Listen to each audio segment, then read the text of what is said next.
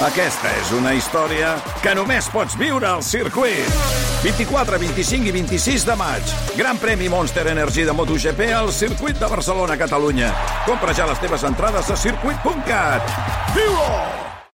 Agafa el tren amb Renfe i visita l'estació del Chelsea Hotel per gaudir de la història d'una nova cançó a RAC més 1. Amb Olga Suanya, el podcast on les cançons lliguen amb la història.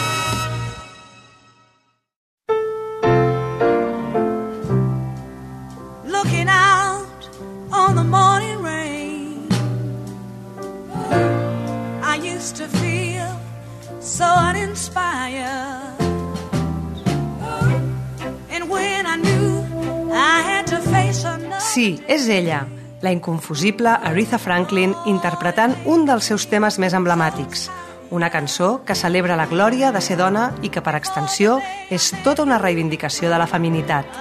En aquest episodi del Chelsea Hotel us convidem a gaudir d'una peça que ja s'ha convertit en tot un himne. You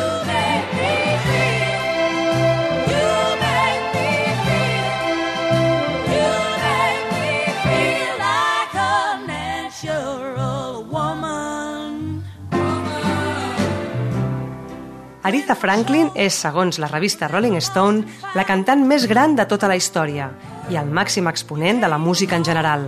Va ser la primera dona que va entrar al Saló de la Fama del Rock and Roll i al llarg de la seva carrera va tenir el reconeixement d'un total de 18 Premis Grammy. I know you know that story of how they got drowned in sea. Oh yeah. Filla d'una cantant de gospel i d'un predicador, va passar tota la infantesa envoltada de veus del jazz, com Dina Washington o Ella Fitzgerald, així com de grans artistes de gospel com Clara Ward, James Cleveland o Mahalia Jackson, tots ells íntims de la família.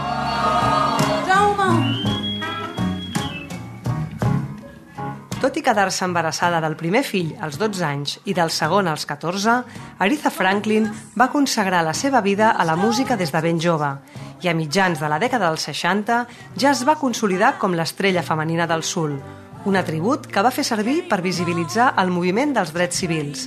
De fet, el seu pare va ser un dels confidents principals de Martin Luther King. Just what was wrong with me? A mesura que es va anar posicionant com una jove prodigi, totes les discogràfiques van començar a fixar-s'hi. En un inici, semblava que fitxaria per la Motown, que era el referent de la música afroamericana del moment. Però va acabar signant amb Columbia Records, on van voler incorporar-la al seu catàleg d'artistes de jazz. La cantant, però, no se sentia del tot còmoda en aquest registre i es reivindicava com una artista de soul, un estil que finalment va poder desenvolupar quan va entrar a Atlantic Records el 1966. I precisament va ser el copropietari i productor d'aquest segell, Jerry Wexler, qui va encendre l'espurna creativa del que acabaria sent You Make Me Feel. Va ser un dia mentre anava en cotxe per Nova York amb Carol King, parlant sobre el concepte de l'home natural, un terme sobre el qual havia estat reflexionant des de l'època d'estudiant de la cultura afroamericana.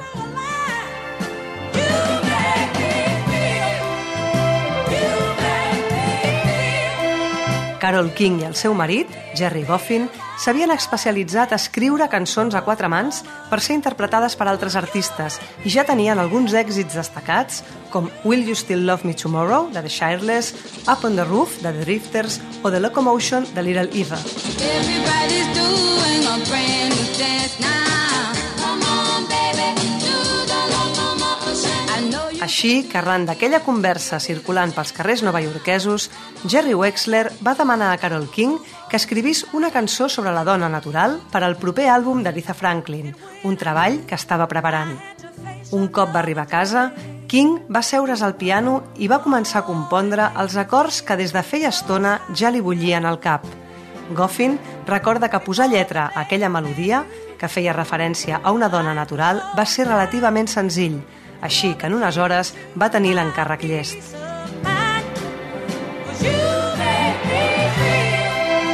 Curiosament, doncs, aquest és un tema de gospel compost per una dona blanca amb una lletra escrita per un home sobre una dona que parla en primera persona. Aretha Franklin va gravar i editar You Make Me Feel al setembre de 1967, I des de llavors, la cançó s'ha convertit en tot un referent generació rere generació. Ha sonat en vinils, cintes de casset i CDs, i també ha estat present en diverses pel·lícules i sèries de televisió. És el cas de Murphy Brown, una de les produccions de més èxit de la CBS durant la dècada dels 90 i on aquesta cançó va tenir un paper molt destacat. Protagonitzada per l'actriu Candice Bergen, narra la història d'una periodista exalcohòlica que un cop rehabilitada torna a la seva feina al capdavant d'un informatiu. El personatge de Murphy Brown és una admiradora declarada d'Aretha Franklin i la seva figura no només se cita en molts moments de la sèrie, sinó que You Make Me Feel apareix en el primer i en l'últim capítol d'aquesta producció. En el d'arrencada, ho fa en una escena on Bergen canta aquesta cançó en un moment en què creu que ningú no la veu. Cause you make me feel.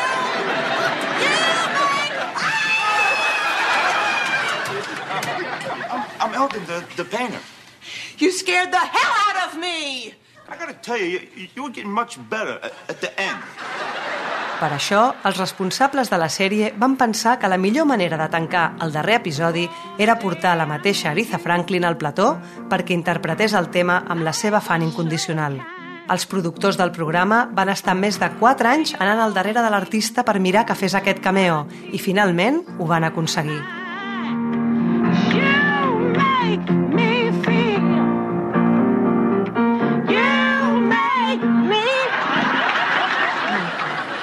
Now listen, let's get one thing straight.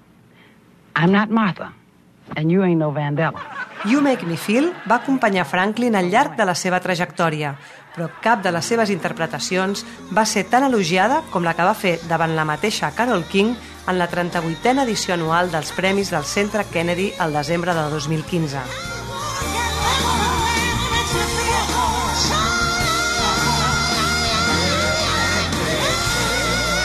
L'emoció de l'autora del tema, a qui l'aparició d'Aretha Franklin a l'escenari va agafar per sorpresa, i les llàgrimes que no va poder aguantar el president Barack Obama són dos moments que van fer d'aquell You Make Me Feel una actuació que ha quedat gravada en el record de tots els fans de Lady Soul.